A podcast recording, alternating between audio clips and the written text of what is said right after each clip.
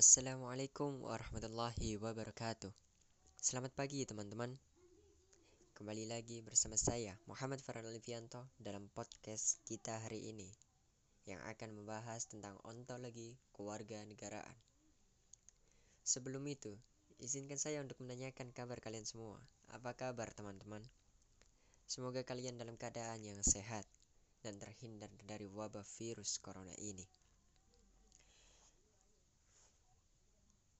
Dalam pembahasan kita kali ini tentang ontologi keluarga negaraan, terdapat beberapa subbab yang dapat kita bahas serta diskusikan dalam podcast kita hari ini. Yang pertama adalah mengenai wawasan Nusantara, lalu mengenai Bhinneka Tunggal Ika, ideologi bangsa, dan konsep keluarga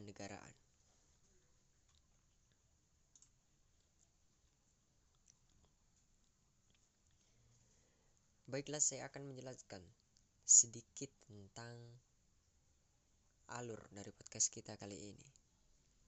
Sedikit bocoran, bisa dibilang seperti itu. Di mana di awal kita akan membahas mengenai wawasan Nusantara tentang makna bagaimana pandangan bangsa Indonesia terhadap lingkungannya dalam berbangsa dan negara serta apa faktor yang mempengaruhi wawasan Nusantara. Lalu di pembahasan kedua kita akan membahas mengenai Bhinneka Tunggal Ika. Siapa yang tidak mengetahui Bhinneka Tunggal Ika? Khususnya orang Indonesia. Sangat tidak mencerminkan warga negara yang baik jika kalian tidak mengenal, tidak mengenal Bhinneka Tunggal Ika. Di mana Bhinneka Tunggal Ika merupakan semboyan negara Indonesia. Lalu di pembahasan ketiga kita akan membahas mengenai ideologi nasional. Dan di pembahasan terakhir, kita akan membahas mengenai konsep keluarga negaraan. Kita akan membahas mengenai dalam konsep keluarga negaraan itu ada tiga peraturan yang dikaitkan dalam hubungan negara dan warga negara. Apa aja itu nanti akan dijelaskan di dalam acara inti yang ada di podcast kita kali ini. Baiklah tidak panjang lebar. Saya Farhan sebagai moderator sekaligus pembawa acara dalam podcast kita pagi hari ini Akan langsung menyerahkan kepada para narasumber. Oh ya, narasumber kita kali ini tidak beda dengan yang kemarin. Sama Di mana ada saudara Aditya Arifin Saudara Arafan Nabil saudara Albadrut Tamam, dan juga saudari Fania Adiuta Hartadi. Baiklah, saya akan langsung menyerahkan kepada para narasumber dan semoga para narasumber masing-masing masing-masing narasumber mampu untuk menjelaskan dan berbagi sedikit ilmunya mengenai ontologi keluarga negaraan seperti yang kita sebutkan tadi. Baiklah, akan langsung saya serahkan. Silahkan untuk para narasumber. Baiklah, terima kasih untuk para narasumber yang berkenan hadir pada podcast kita kali ini dan menerangkan sedikit penjelasan tentang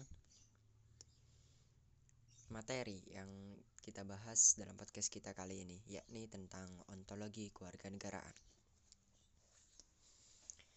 Baik, sebelum saya akhiri, saya akan menyimpulkan sedikit kesimpulan dari saya tentang pemaparan penjelasan dari para narasumber tadi, yakni bahwasanya wawasan Nusantara memiliki dua landasan, yakni landasan IDI atau yang biasa disebut Pancasila dan landasan konstitusional atau yang disebut UUD Negara Republik Indonesia tahun 1945. Terdapat tiga faktor yang mempengaruhi wawasan Nusantara. Yang pertama adalah faktor geografi, geopolitik, dan juga geostrategik. Juga Bhinneka Tunggal Ika yang merupakan simbol dasar negara Indonesia yang memiliki makna berbeda-beda tetapi tetap satu jua. Memiliki nilai-nilai di dalamnya yang di antaranya meliputi nilai toleransi, gotong royong, dan juga kerukunan. Terdapat dua ideologi yang sangat berpengaruh bagi banyak negara, yakni ideologi sosialisme komunisme dan juga ideologi liberalisme kapitalisme. Lalu terdapat tiga peraturan yang dikaitkan dalam hubungan negara dan warga negara. Yang pertama ialah peraturan yang memberikan gambaran antara warga negara itu sendiri. Yang kedua, peraturan yang memberikan perhatian tentang hubungan antara masing-masing individu dengan otoritas politik.